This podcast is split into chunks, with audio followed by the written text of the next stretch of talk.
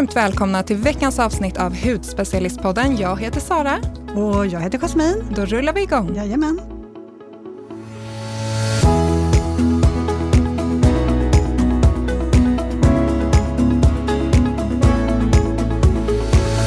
Hur står det till Jasmin?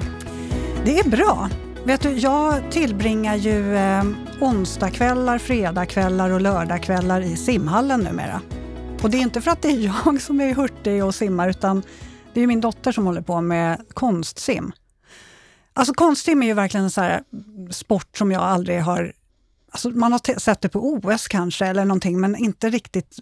Ja, jag har inte begripit mig på det. Det ser ju väldigt härligt och fantastiskt och graciöst ut. Ja men verkligen. Men jag vet inte om jag känner att jag har haft någon så här connection till den sporten. Men nu sen Stella började så Alltså det är ju jätteroligt. Det är helt fascinerande. Du tänker också börja? OS nej, nästa för dig? Nej, verkligen inte. Men jag känner att jag eh, börjar förstå sporten och att det krävs ju enorm lungkapacitet, vilken styrka och uthållighet. Det är helt galet faktiskt. Så Vad det kul att hon träning. också har hittat någonting som hon verkligen gillar. Ja, dans och simning. Uh -huh. det, är, det, är, en magisk kombination. Ja, men det är jätteroligt. Eh, hur är det med dig då, Sara? Jo men det är bra. Jag var på ett otroligt fint bröllop förra helgen, så jag har levt på det hela den här veckan känns det som. De flesta, eller alla bröllop var ju inställda nu i somras. Men en av mina kompisar då valde att göra, eh, gifta sig i alla fall. Så det var ett ganska intimt, ganska litet bröllop, men man hade verkligen chans att prata med alla och det var så mysigt. Och det, ja, men jag tycker det är så härligt, man blir så glad av att fira kärleken så. Så jag har ja. levt på det hela, hela veckan. Åh, vad härligt. Ja. Lite kärlek, det mår man inte så dåligt av, nej. Men du, vi har ju en äh, gäst här idag ja. som jag tänkte passa på att presentera. Äh, vi har nämligen bjudit in Margareta From Nilsson som är medicinsk doktor, specialist i dermatologi. Och hon driver också hudläkargruppen på Riddargatan i Stockholm. Plus du är även överläkare på hudkliniken Karolinska sjukhuset. Varmt välkommen! Tack så mycket! Det var inget dåligt intro det där. Tackar för det introt. Ja, ja. Vad roligt! Vi tänkte prata lite olika hudsjukdomar med dig idag. Ja, trevligt. ja men precis. Eh, rosacea, peroral dermatit och vuxenakne tänkte mm. vi ju djupdyka i idag.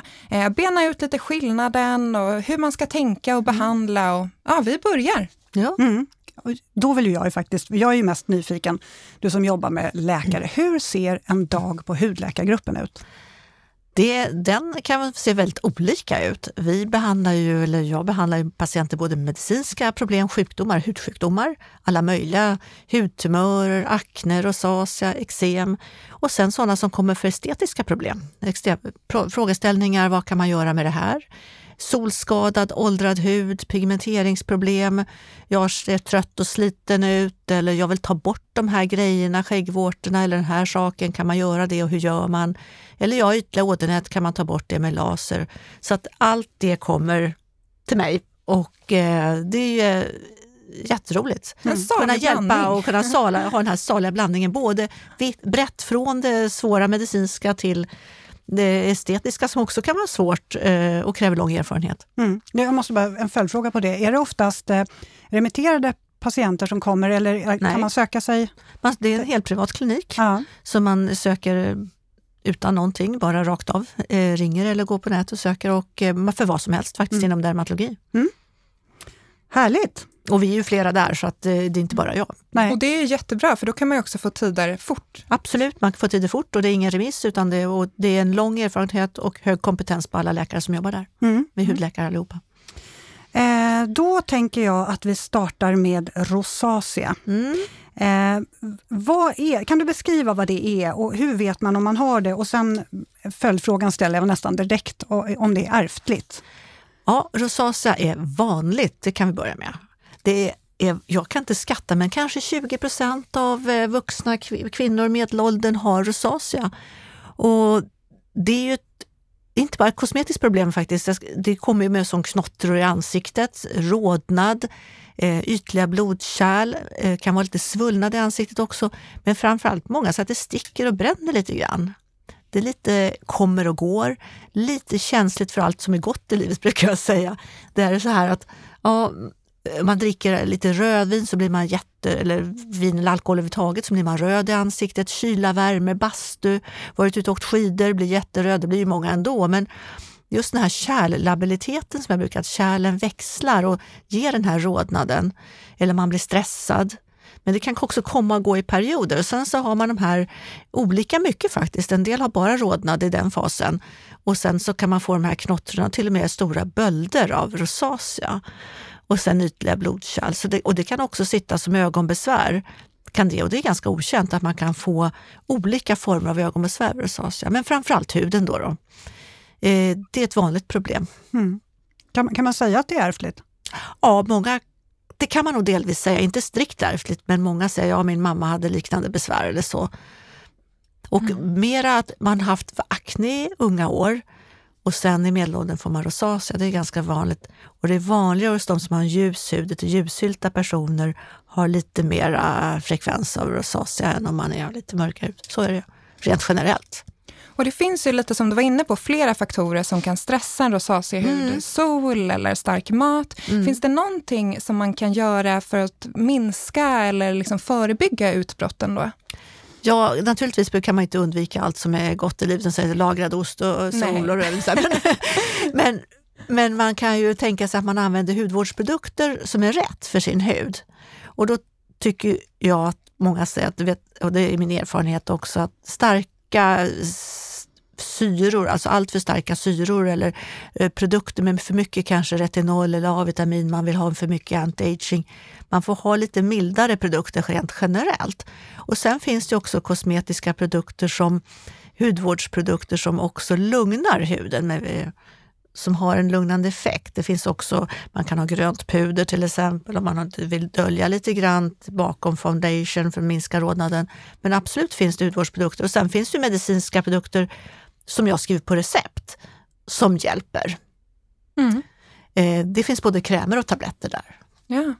Jag tänker så här också, rosacea, för, för ofta så använder man ju lite mildare produkter. Det finns faktiskt vissa som, som går på även med lite starkare produkter, mm. för de tänker ju liksom att jag vill verkligen behandla eh, min rosacea, eller jag vill få bort ungefär lite som man vill behandla akne. Mm. Eh, men finns det specifika ansiktsbehandlingar för rosacea utöver produkter?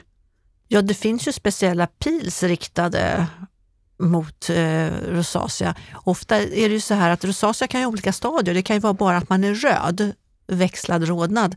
Men sen kan man ha olika inslag av de här knottrorna eller paplerna som man säger, som ser ut som finnar. Varblåsor eller vad man ska säga. Ehm, då kanske man vill gå på lite hårdare.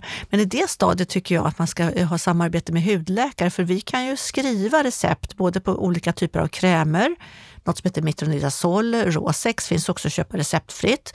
Eh, något som heter Solantra som är Ivermectin, det är egentligen parasitmedel som vi använder som har en god effekt på eh, på rosacea och även asalinsyra, finasia eller skinoren har god effekt. Men när man kommer lite längre upp och tycker att ah, jag måste ha något mer för min rosacea är så påtaglig, den är så svår, då kan man skriva ut ofta antibiotikatabletter. Tetralysal är ett vanligt preparat där.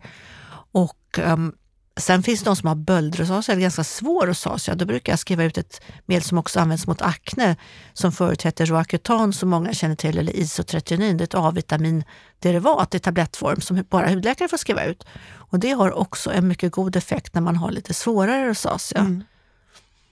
Eh, för, för då det här som, som du var inne på lite tidigare, att, att du sa att just starkare produkter är inte helt optimalt om man har rosacea. Och jag tänker just också det här med AHA-pils. Jag har faktiskt själv sett mm. fantastiska resultat mm. av AHA-pils på rosacea. Absolut, om man har en väldigt mycket inflammation så kan man ha en god effekt på det. Men om man bara har rodnad och den här känsliga huden så kan det ibland trigga lite grann. Så det beror på vilket stadium av rosacea man har faktiskt. Mm. mm. Man får höra med sin behandlare helt enkelt. Eh, och jag tänker också det här med feta krämer och olja på rosacea. Är det en myt skulle du säga, eller är det så att man faktiskt kan ha det? Det är nog individuellt. En del upplever att de är lite torrfeta så här vid rosacea, men, så jag tror man får anpassa det. Men det vanliga är att lite lättare produkter vid rosacea och sådana som inte är så irriterande, det är väl det första man rekommenderar. Sen om man har sin hudvårdsterapeut, hudvårdare, så får man ju testa lite grann vad som passar en själv. Det är lite individuellt, men om man ska prata i generella termer så tycker jag något som inte irriterar och som inte är så fett. Och sen är det väldigt individuellt. Mm. Eh, och vi som hudterapeuter kan ju inte ställa en diagnos, utan då är det ju en hudläkare man ska vända sig till. Mm. Men även om man har en diagnos så kan man ju få väldigt fina resultat utav hudvården. Absolut. Men hur vet man när hudvården inte räcker till, utan det är liksom dags, det är något mer medicinskt då en läkare bör uppsökas? Om man inte får resultat av sin hudvård, det man gör, man kanske gör microneedling, man kanske gör pils, man kanske har prövat bra produkter som man tror ska fungera och när det ändå inte ger det resultatet man har tänkt, då kanske det är dags att gå vidare och få medicinsk hjälp. Mm. Eh, vuxenakne och rosacea är det ju många som förväxlar med varandra och det kan ju betyda olika för, från person till person. Eh, men vad är det egentligen för skillnad på de här två? Behandlas de på samma sätt eller på olika sätt? Akne kan man ha en kort period i livet, det kan vara, oftast är det tonåren, lätt eller svårt. Ärftlig komponent finns ju absolut när det gäller akne. Eh, men det är en myt att akne är slut vid 20. En del har akne långt upp till 40-årsåldern. Och en del kan också vara ganska fria under tonåren och sen debutera med akne sent, vid 25 eller senare. Så är det. Och eh, sen är det så det här med vuxenakne, det är ju ett begrepp som florerar i samhället och journalister skriver om i tidningarna och vi svarar, vi hudläkare på olika spalter eh, och talar om vuxenakne och många ringer in till er och säger att de har det. Vuxenakne tror jag många likställer med rosacea, men egentligen ska vi inte tala om akne som akne och rosacea som rosacea tycker jag, så blir det ganska klart. Och rosacea kan ju också debutera tidigt eller sent, men ofta efter 25 eh, efter 20 i alla fall. Och eh, vad som skiljer åt, det är ju också att rosacea är ju knotter och rodnad och varblåsor och sitter ofta ganska centralt i ansiktet, i pannan, i centrala panna, näsa och kinder centralt och haka.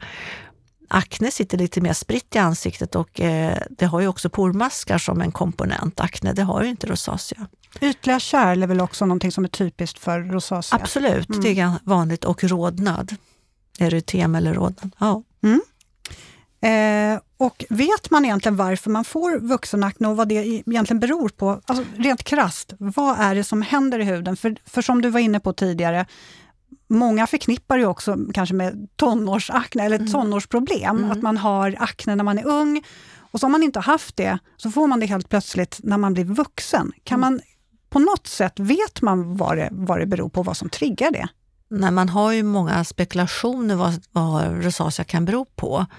Och eh, det har talats om connection med magen och tarmen, eh, för mycket sol eh, och lite olika eh, problem. Det är ju problem i tallkörtel, hålfollikelapparaten, så kan man säga, med en inflammation där. Och vad egentligen som triggar det vet man inte.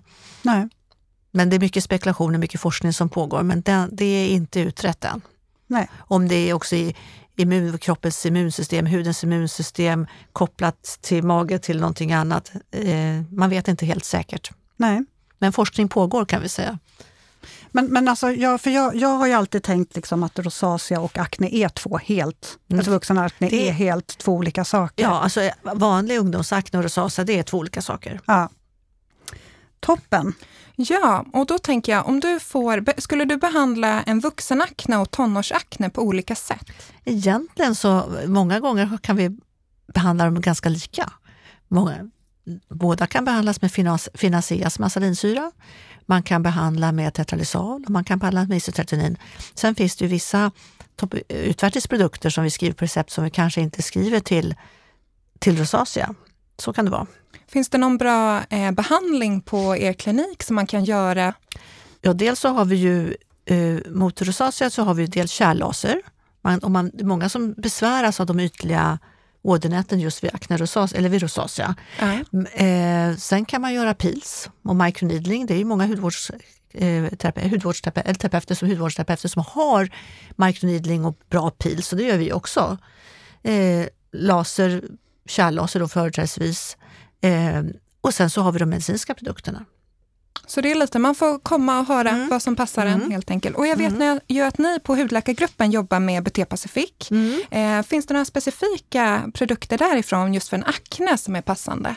Ja, det, ja, vi har ju, för Bottice Pacific har vi ju, det, det, finns ju tvättar och så, men vi, när det gäller akne så har vi från eh, Neostrata och vi har från Mesoaesthetic också eh, produkter. som finns från varje brand så finns det ju eh, akne-tvätt ofta. Eh, finns det kanske en dagkräm. Eh, det finns eh, kanske något som heter något stift och sådana saker som man kan kombinera med till exempel utvärtesprodukter och hudvård. Jag brukar tycka att man får göra en liten behandlingsplan och då brukar jag rita upp en X och Y-axel. Och då brukar jag säga längs den här X-axeln har vi hudvården och sen som måste vara rätt. Rätt tvätt, rätt eh, kanske pil, eh, rätt kräm, dagkräm och sen så har vi de medicinska produkterna och där kan vi öka i behandlingsstegen också med olika aggressivitetsgrad med både bara utvärtes eller så lägger vi till lite tabletter eller så, så ser vi lite grann hur det verkar. Mm. Och beroende på, det finns ju masker också som man kan lägga på eh, för eh, eh, aknebehandling till exempel. Så vi kan ofta, tycker jag, en kombination är väldigt bra. Mm. Alla patienter vill inte ha det starkaste hela tiden. En del säger, nej men jag vill klara mig utan tabletter eller jag vill ha det värsta, det bästa, mm, kör på med det värsta medicinska du har. Alla är olika. Mm. Och det är inte alla som behöver det starkaste nej, kanske. Exakt, man kan komma ganska långt med kombinationen. Mm. Kul att höra. Ja, perioral dermatit då? Mm. Hur, hur skulle du beskriva, vad, vad, vad är det? det rent, eh, om man ska beskriva det kort så är det knottror runt munpartiet. Eh, så peri betyder ju runt omkring och oral betyder mun och så runt munnen. Ofta haka och nedanför eh, näsan. Eh, ofta sparar en liten eh, remsa runt precis runt munnen, läpparna. Eh, men runt hela munpartiet och så sitter knottror. Många beskriver det som blåsor när de kommer till mig. Eh, och lite att det kan vara lite klåda, lite torrhet, men just de här knottrorna som sitter runt munpartiet är väldigt karaktäristiskt. Ibland lite under näsan faktiskt. Mm. Eh, många gånger frågar jag patienten, har du, har du smörjt kortisonkräm? För det kan vara provocera, provocera fram en peroral dermatit och det kan faktiskt provocera fram en rosacea också. Man råkar ha fått tag på i farmors badrumsskåp så har man hittat en kräm som hon har tagit för någonting och hon sagt den här är jättebra, pröva den här. Och så har man kört en stark kortisonkräm i ansiktet under lång tid och det kan ju ge en rosacea och peroral dermatit och då är det enkelt att lösa för att då slutar vi med det och så behandlar vi och så kanske inte kommer tillbaka. Mm, mm. Det är en av orsakerna, kortisonkräm. Men det så står det också överallt att för mycket makeup eller feta krämer kan ge det här. Jag tycker att det är lite mer komplext än så, oklart kan jag säga. För det känns att det är så olika också. Vissa mm. kör på med massa aktiva mm. retinol och mm. syra, händer mm. ingenting. Och vissa Nej. kör en mild syra och får eh, peroral dermatit direkt. Och, det, och det kan, det, peroral dermatit det, det, går ju över av sig själv men det kan ta lång tid. Mm. Det kan ta år, och månader, år. Men jag tycker att där brukar jag nog sätta in tetralyssal på en gång faktiskt ja. tabletter på en gång för det går bort på sex veckor. Det är min standardbehandling. Rosacea kan man mera köra lite krämer, lite pils, eh, för det är mera långvarigt kroniskt, man måste hitta någonting som fungerar. Det här, peroral dermatit, kan komma i omgångar. Ett par, tre omgångar, många gånger ganska unga kvinnor, 20-30. Där är så här, kommer peroral dermatit, även äldre. Men de brukar bli fria mellan varven. Mm, så kommer det skov? Ja, kommer skov på något mm. sätt och kanske mm. inte så många skov, sen går det över. Och vi brukar ju rekommendera nollbehandling när det är som mm. värst, att säga. Mm. och det betyder ju då att man inte använder några produkter alls på mm. området. Hur ser du på det här med nollbehandling kontra en medicinsk behandling då med tabletter? Och... Jag tycker man kan väl pröva nollbehandling som första steg och när inte det går över så tar man tabletter och de, de har oftast prövat det när de kommer till, kanske till oss, nollbehandling. Och då vet man det, man får fråga. Mm. Jag måste bara flika in också, för att vi har ju faktiskt kunder som har hört av sig till oss. De har använt Paula's Choice eh, BHA-produkter eh, eh, och har peroral dermatit, men att de här BHA-produkterna faktiskt har hållit peroral dermatiten i schack, för mm. den innehåller ju salicylsyra. Mm.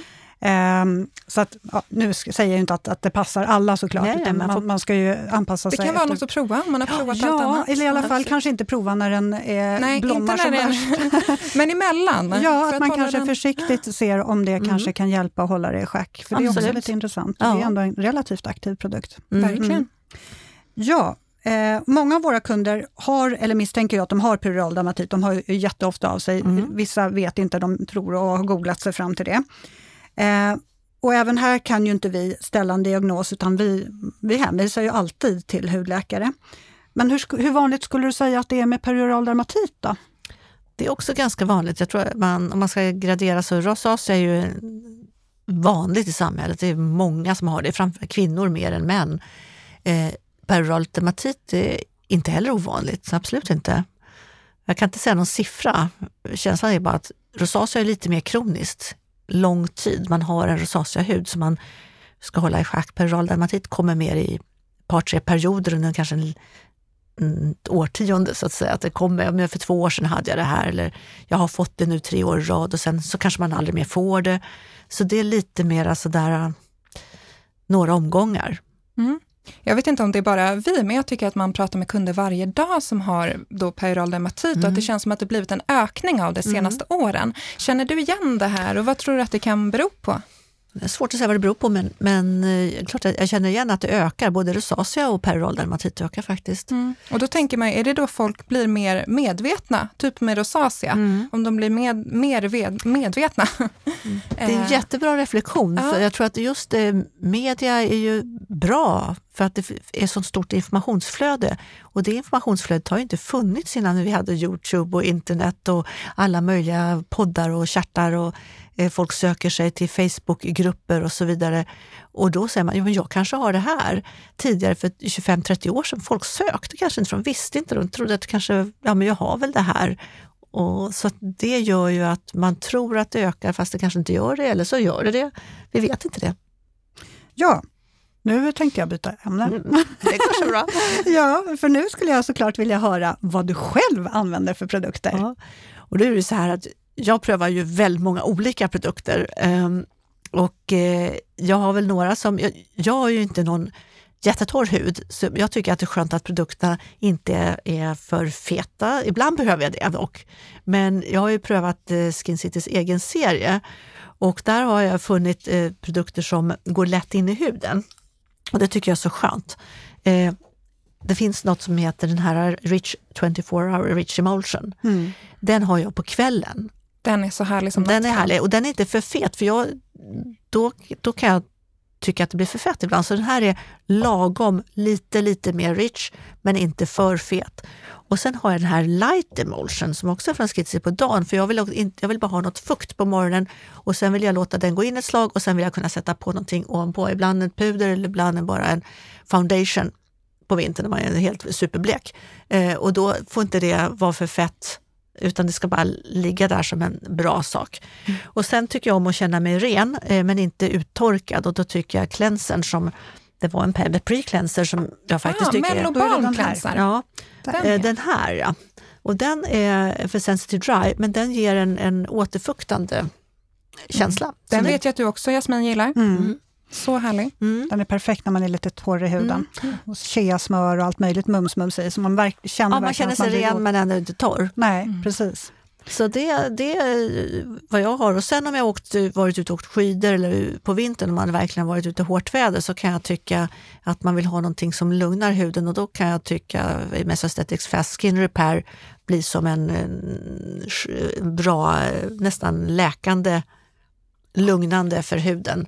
Som en sköld nästan? Ja, mm. lägga på den om man varit ute ja, seglat eller åkt skidor och sånt där. Eller, mm. Mm. Bra tips! Kul att höra vad hudläkaren använder. Mm. Ja. Eh, tack så jättemycket att du kom och pratade hudvård och pratade hudsjukdomar oss idag. Mm. Känner verkligen att vi har benat ut mycket, lärt oss mycket. Tack för att eh, så stort tack att du kom hit. Ja, tack. Eh, ni får inte glömma att mejla oss på podd hudspecialisten.se. Alla frågor och funderingar, eh, alla produkter och allting hittar ni som vanligt på Instagram och på bloggen. Så får ni ha en fantastisk helg. Ja, tack och hej.